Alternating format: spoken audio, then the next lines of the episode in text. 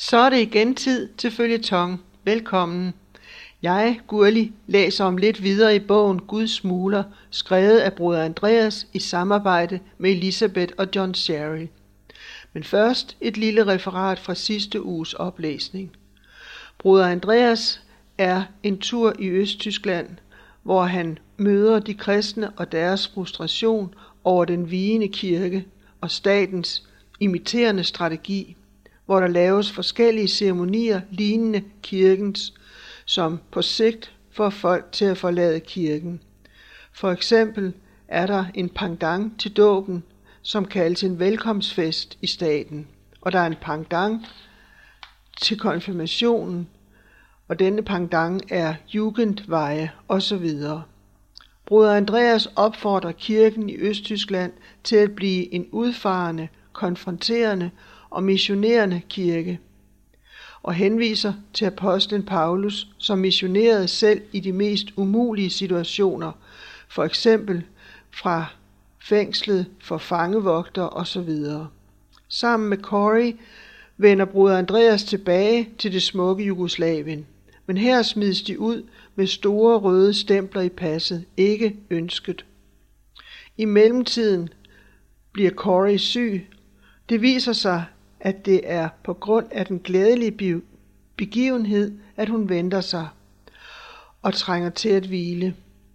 Broder Andreas får visum til Rumænien og Bulgarien, og inden han får adgang til Bulgarien via Tyrkiet af mange omveje, bliver han hårdt prøvet og ender i en depression, og, lige på samme, og på samme tid har han rigtig mange rygsmerter.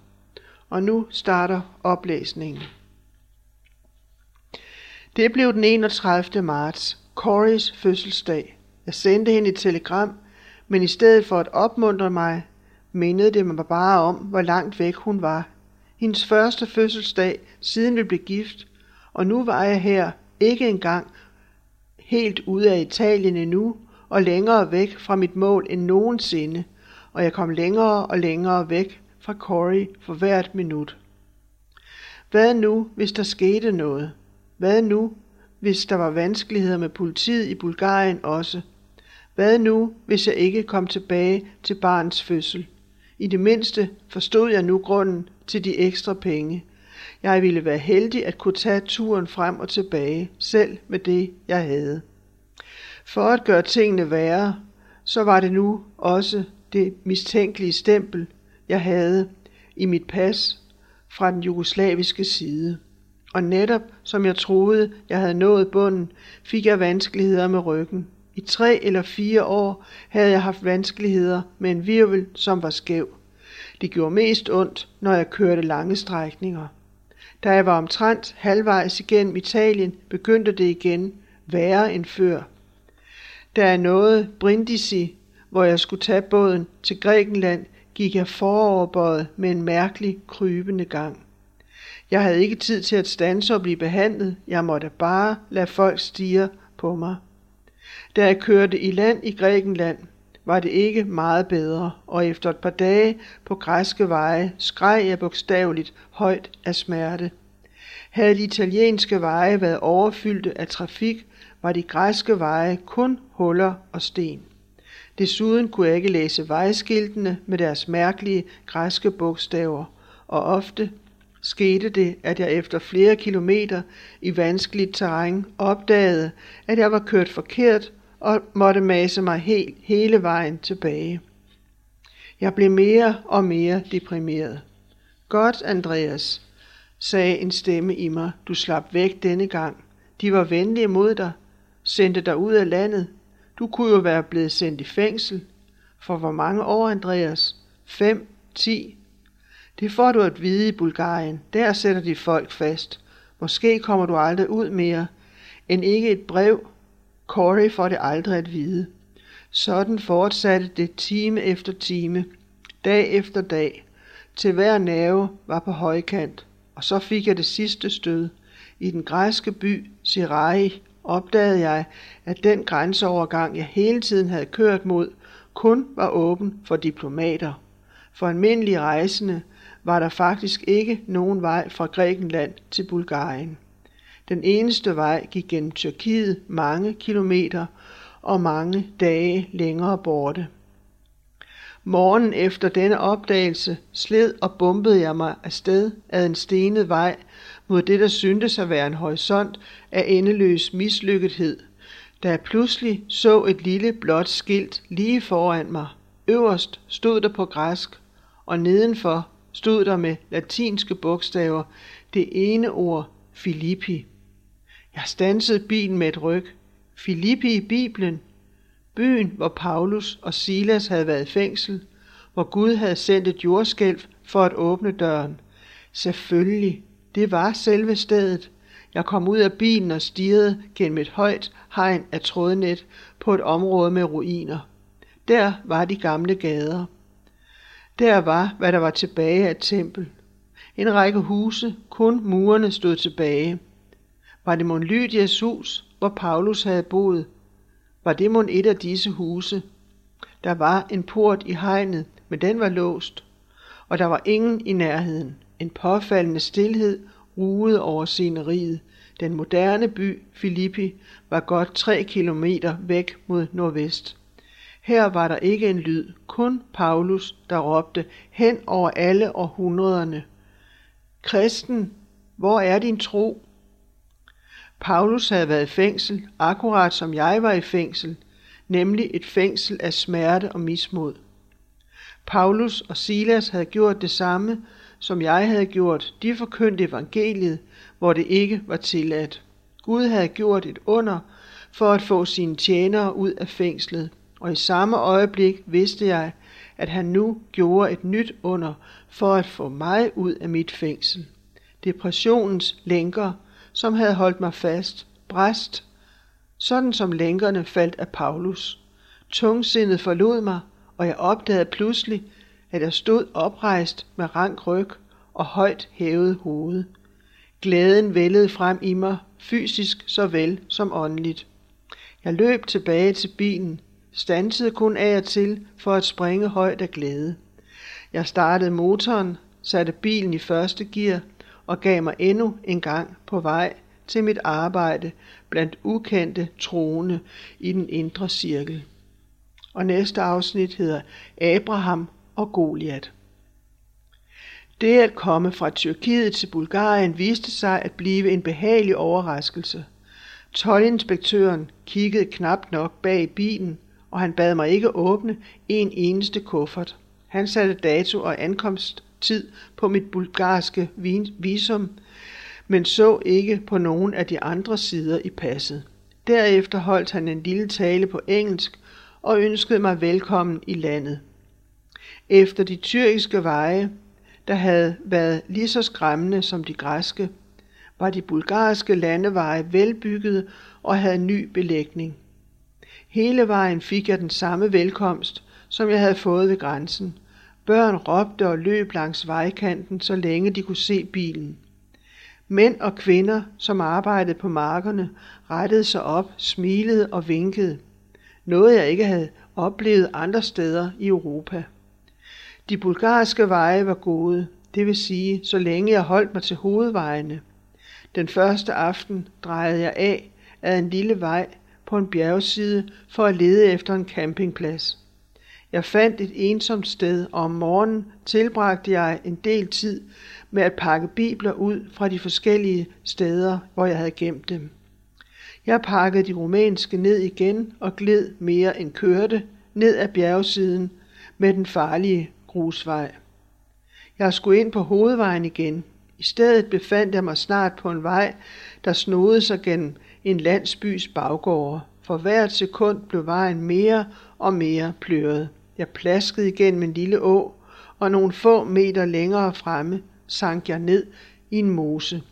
Der sad jeg så, håbløst nedsunket i mudder i en lille landsby, hvor jeg intet havde at bestille. Hvad skulle jeg gøre?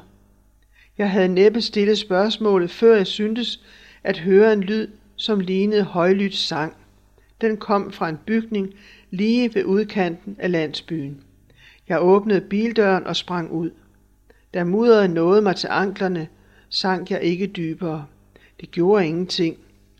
Jeg gik med tunge skridt gennem skidtet, til jeg nåede døren til bygningen. Det var et værtshus, og selvom klokken kun var 10 om formiddagen, var det voksne og velskænkede mænd, som sad der og sang. Jeg gik ind, og straks stansede sangen. 20 ansigter stirrede på mig. De var tydeligt forbavset over, at der kom en fremmed til deres landsby. Luften var tung af røg, tungere og stærkere end røglugten i vestlige værtshuse. Er der nogen her, der taler engelsk? spurgte jeg. Ingen svarede. Tysk? Nej, hollandsk. Nå, goddag alligevel, sagde jeg, smilede og berørte min pande til hilsen. Og derefter med disse runde, brunøjede ansigter, som stirrede på mig, skiftede jeg pantomime. Jeg lavede en støj, der skulle forestille lyden af en folkevogn, der sad fast i mudder. Vum, vum, splot og splot, stop. Der var ingen, der viste tegn på at have forstået noget som helst af min forestilling. Jeg holdt mine hænder ud på en måde, der skulle forestille en mand, der holder på et bilret med begge hænder. Ah, åh, bartenderen nikkede forstående, mens han løb fremad med to krus øl, en i hver af de udstrakte hænder. Nej, nej, sagde jeg alene. Automobil, bil. Bum, bum. Jeg satte glasene ned og signalerede med armen. Kom.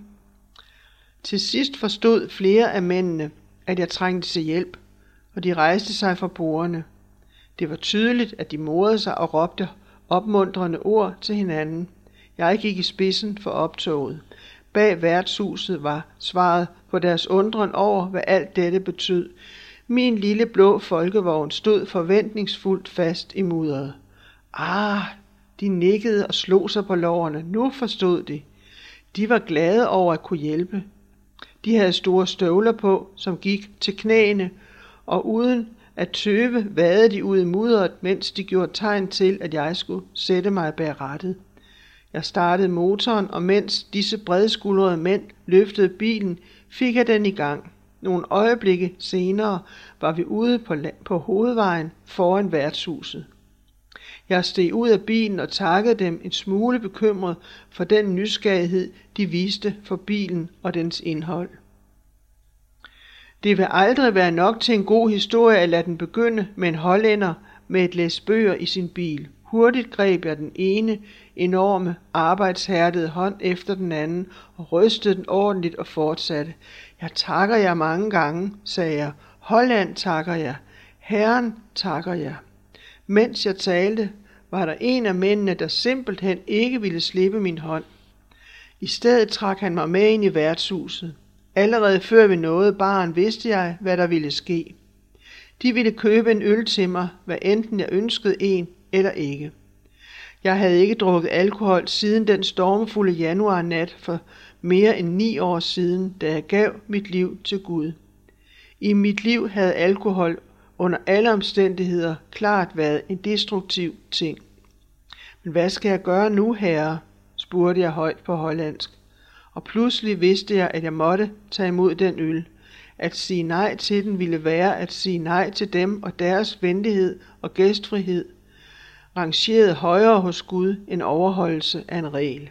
20 minutter senere, med øjne, der stod i vand på grund af det kraftige hjemmelavede bryg, trykkede jeg igen 20 hænder, lå og ønskede dem Guds velsignelse og drog afsted.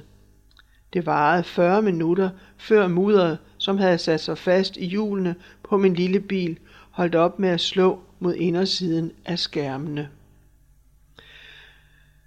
Den sidste nat, jeg var i Jugoslavien, den nat, jeg var blevet sendt tilbage over grænsen, havde jeg mødt en mand, hvis bedste ven boede i Sofia. Petrov er en af kirkens hellige, havde han sagt til mig. Vil de besøge ham? Naturligvis blev jeg glad. Jeg havde lært mig Pet- Petrovs adresse uden ad, så jeg slap for at have den nedskrevet i det tilfælde, at jeg fik vanskeligheder med myndighederne. Nu da jeg sad på en lille høj og så ned over Sofia, tænkte jeg på, hvordan Gud brugte den aller sidste person, jeg talte med i et land, til at skaffe mig den første kontakt i et andet land.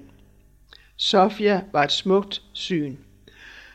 Som byen lå der udstrakt ned, neden for mig, med bjerge, der knejsede i baggrunden, og med de ortodoxe kirkers runde kupler funklende i eftermiddagssolen. Men hvordan skulle jeg dog finde den gade, hvor Petrov boede? Min jugoslaviske ven havde advaret mig og sagt, at det kunne blive farligt for ham, hvis en udlænding gik rundt og spurgte efter ham. Så da jeg kom ned til hotellet, var det første, jeg gjorde, at spørge efter et kort over byen. Jeg beklager, men vi har ikke flere tilbage. De kan prøve i boghandlen på hjørnet. Men boghandlen havde også udsolgt. Jeg gik tilbage til hotellet og spurgte i receptionen, om de var helt sikre på, at de ikke havde et eneste kort. Portieren så mistænksom på mig. Hvorfor skal de absolut have fat i et kort, spurgte han. Udlændinge bør ikke gå omkring overalt. Åh, sagde jeg, bare for at finde vej. Jeg har ikke lyst til at fare vild, jeg som ikke kan et ord bulgarsk. Manden virkede tilfreds med svaret. Alt hvad vi har er dette lille her, sagde han og pegede på et lille håndmalet kort under glasset på skranken. Det ville ikke have været mig til nogen hjælp. Kun navnene på de store hovedgader var indtegnet. Men for at gøre ham tilfreds, bøjede jeg mig over kortet, og der så jeg noget mærkeligt.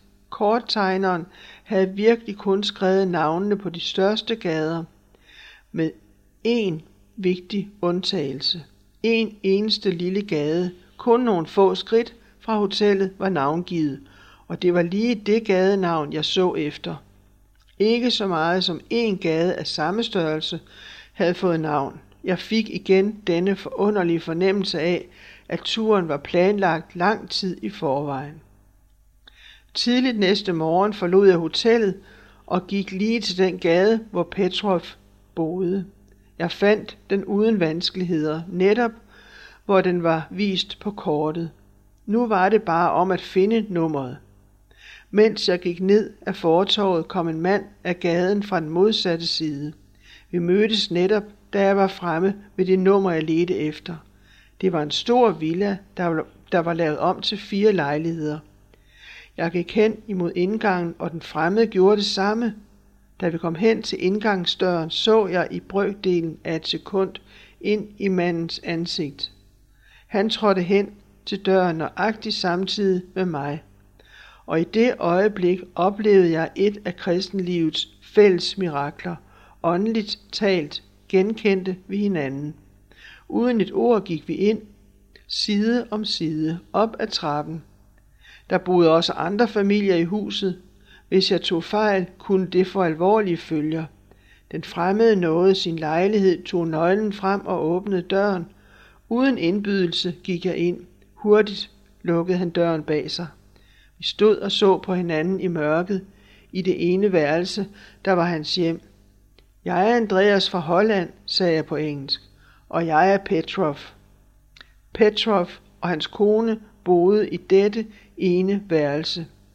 De var begge over 65, og deres fælles pensioner fra staten skaffede penge til husleje, mad og af og til til nye klæder. Vi tre tilbragte vores første minutter sammen på knæ, hvor vi takkede Gud, fordi han havde ført os sammen på denne underfulde måde, så ikke et minut var gået tabt, og sådan at det heller ikke medførte den mindste risiko. Derefter begyndte vi at tale sammen. Jeg har hørt, sagde jeg, at både Bulgarien og Rumænien har stort behov for bibler. Er det rigtigt? Som svar tog Petrov mig med hen til sit skrivebord. Der stod en gammel skrivemaskine med et ark i, og ved siden af lå en bibel opslået på anden Mosebog. For tre uger siden var jeg ekstra heldig, sagde Petrov. Jeg fandt denne bibel. Han viste mig et andet eksemplar, som lå på det lille spisebord. Jeg fik den ganske billigt, kun en måneds pension. Den var så billig, fordi første og anden Mosebog og Johannes åbenbaring var reddet ud, og øh, hvorfor det, afbrød jeg. Hvem ved, måske for at sælges, eller måske for at rulle cigaretter af det tynde papir, fortsatte han. I hvert fald var jeg heldig at finde den, og havde penge til at købe den. Ved hjælp af min egen bibel sætter jeg nu de dele ind, som mangler, og så har jeg en hel bog. Jeg regner med at være færdig om fire uger. Og hvad vil de gøre med den anden bibel? Jeg vil give den bort. Til en lille kirke i Plovdiv, sagde konen, hvor de ikke har nogen bibel. Jeg var ikke sikker på, at jeg havde forstået det rigtigt. Ingen bibel i hele menigheden. Det er tilfældet, sagde Petrov, og der findes mange af den slags menigheder her i landet. De vil møde det samme i Rumænien og Rusland. I gamle dage var det bare præsterne, der havde bibler. Almindelige mennesker kunne ikke læse. Og siden kommunismen kom, har man ikke kunne købe dem. Det er ikke ofte, jeg er så heldig som denne gang. Spændingen øgedes. Jeg kunne knap nok vente med at vise Petrov den skat, jeg havde med til ham i bilen.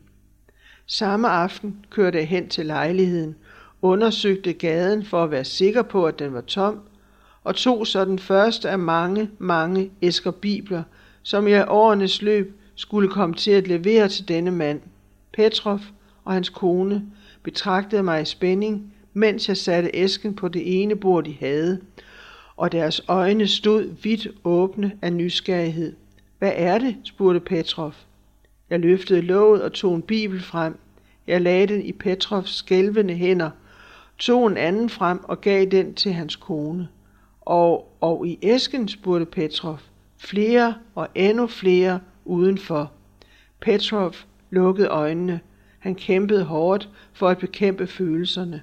Men to tårer trillede stille ned fra de lukkede øjne og faldt på bogen, han havde i hånden. Petrov og jeg startede øjeblikkeligt på en lang tur gennem Bulgarien for at dele bibler ud til de kristne kirker, hvor vi vidste, at behovet var størst. Ved de, hvad staten giver som officiel grund til, at de forhindrer bibelspredning, spurgte Petrov. Da vi kørte gennem et landskab med blinkende reklamer for parfumeindustrien. Det er fordi biblerne trykkes med den gamle retskrivning. Det hæmmer udviklingen, siger regeringen. Det vender folk til gamle stavemåder og forældede udtryk. Den synlige kirke i Bulgarien, fortsatte han, var blevet renset for alle elementer, som var imod det nye regime. Den bulgarske ortodoxe kirke, statskirken i landet, var nu ikke meget andet end et våben for regimet. Den nuværende patriark priste regimet i alle sine udtalelser – Hans taler havde lige så meget med den bulgarske republik at gøre som med Guds rige. I virkeligheden er der to kirker her, sagde Petrov. En marionetkirke, som er et ekko af staten, og en undergrundskirke. De vil få en af disse undergrundskirker at se i aften. Det var mit første møde med de kristne i Bulgarien. Vi var 12 forsamlet, og det tog mere end en time at samles til mødet, for vi måtte komme en for en på forskellige tider, så det ikke på nogen måde kunne se ud, som om gruppen samledes. Klokken halv otte var det vores tur. Vi gik forbi en beboelsesejendom, gik tilfældigvis ind sammen, stansede tilfældigt på fjerde sal, så os hurtigt om og gik ind i lejligheden uden at banke på. Jeg kom uværligt til at tænke på søndagen i Vitte, hvor hele landsbyen var på benene for at gå i kirke. Otte mænd og kvinder var samlet, da vi kom, og yderligere to kom til kvart i otte og klokken fem minutter i otte. Der var meget mørkt i stuen. Kun en lille pære hang ned fra loftet, og der var hængt uldtæpper foran vinduet for at lukke spionerende øjne ude. Jeg undredes over, om disse mennesker var for fattige til at skaffe sig lampeskærme. Ingen sagde noget. De ankomne tog plads omkring bordet midt i værelset, bøjede hovedet og bad stille om tryghed og fred. For det møde, der nu skulle holdes. Præcis kl. 8 rejste Petrov sig og sagde noget med lav stemme, mens han selv oversatte det, han sagde. Vi har i aften den glæde at have besøg af en bror fra Holland, viskede Petrov. Jeg vil bede ham dele et budskab fra Herren med os. Petrov satte sig, og jeg ventede på en salve, salme, men indså hurtigt, at det selvfølgelig var umuligt at synge i undergrundskirken. Jeg talte i måske 20 minutter og nikkede så til Petrov.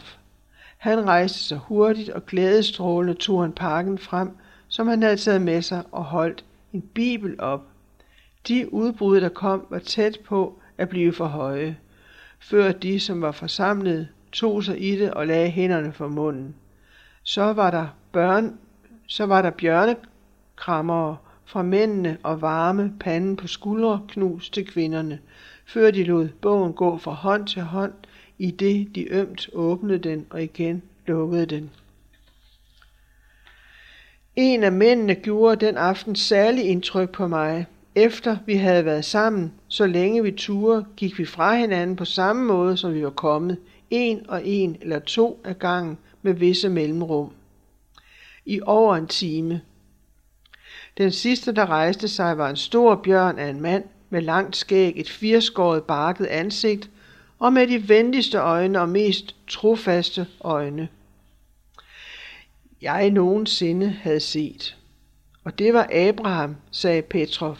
Abraham havde ikke sagt meget ved mødet, men der var en barnlig uskyldighed og renhed ved den gamle mand, som kom til udtryk uden ord. Ligesom Petrov var han over den alder, hvor man kunne være i arbejde. I flere år havde disse mænd derfor brugt tiden til at finde frem til kirker, der havde to bibler sådan at de kunne tække eller købe en og give den til en kirke, der ingen bibel havde. Abraham boede i telt i Rodopebjergene, fortalte Petrov. Han fik 5 dollars om ugen i pension fra regeringen, og af den levede hans kone og han selv. En gang havde han ejet en del jord, men han havde mistet den på grund af nedbrydende virksomhed. Du må altså forsøge at besøge ham en gang i hans hjem igen – sagde Petrov, for det vil give dig et billede af, hvad en mand er villig til at ofre i sin Guds navn. Det meste af året, fortalte han, levede Abraham og hans kone af vilde bær og frugt og en smule brød. Petrov kaldte den gamle mand kæmpedræberen Abraham, fordi han altid gik ud for at finde sin i gåseøjne Goliat, en eller anden partifunktionær i høj rang, eller en mand i hæren, som han kunne vidne for. Abraham leder altid efter en ny Goliat, sagde Petrov. Abraham havner ofte i fængsel, men i mange tilfælde er det Abraham, der vinder, og en ny sjæl lægges til Kristi kirke. Før han tog afsted, hentede jeg resten af de bulgarske bibler, jeg havde taget med mig, og gav dem til kæmpedraberen Abraham. Han ville vide, hvad der skulle ske med dem. Abraham holdt biblerne, som havde han et spædbarn i sine arme. Han sagde ikke tak, men det han sagde har jeg husket ind til denne dag. I blå øjne brændte sig ind i mine, da Petrov oversatte ham. Frontlinjen er lang, bruder. Et sted må vi vige lidt, et andet sted kan vi have fremgang. I dag, Andreas fra Holland, er vi gået frem. De dage, jeg havde tilbage af denne første tur i Bulgarien, brugte jeg til at besøge uofficielle undergrundskirker. Styrk det, der lever, blev mere end før en ordre, som jeg dog hørte i søvne. Hvor modige de dog var, denne rest af kirken, hvor uselviske, hvor ensomme. Det er især tre præster, jeg husker, når jeg tænker tilbage på disse uger. Konstantin, Armin og Basil.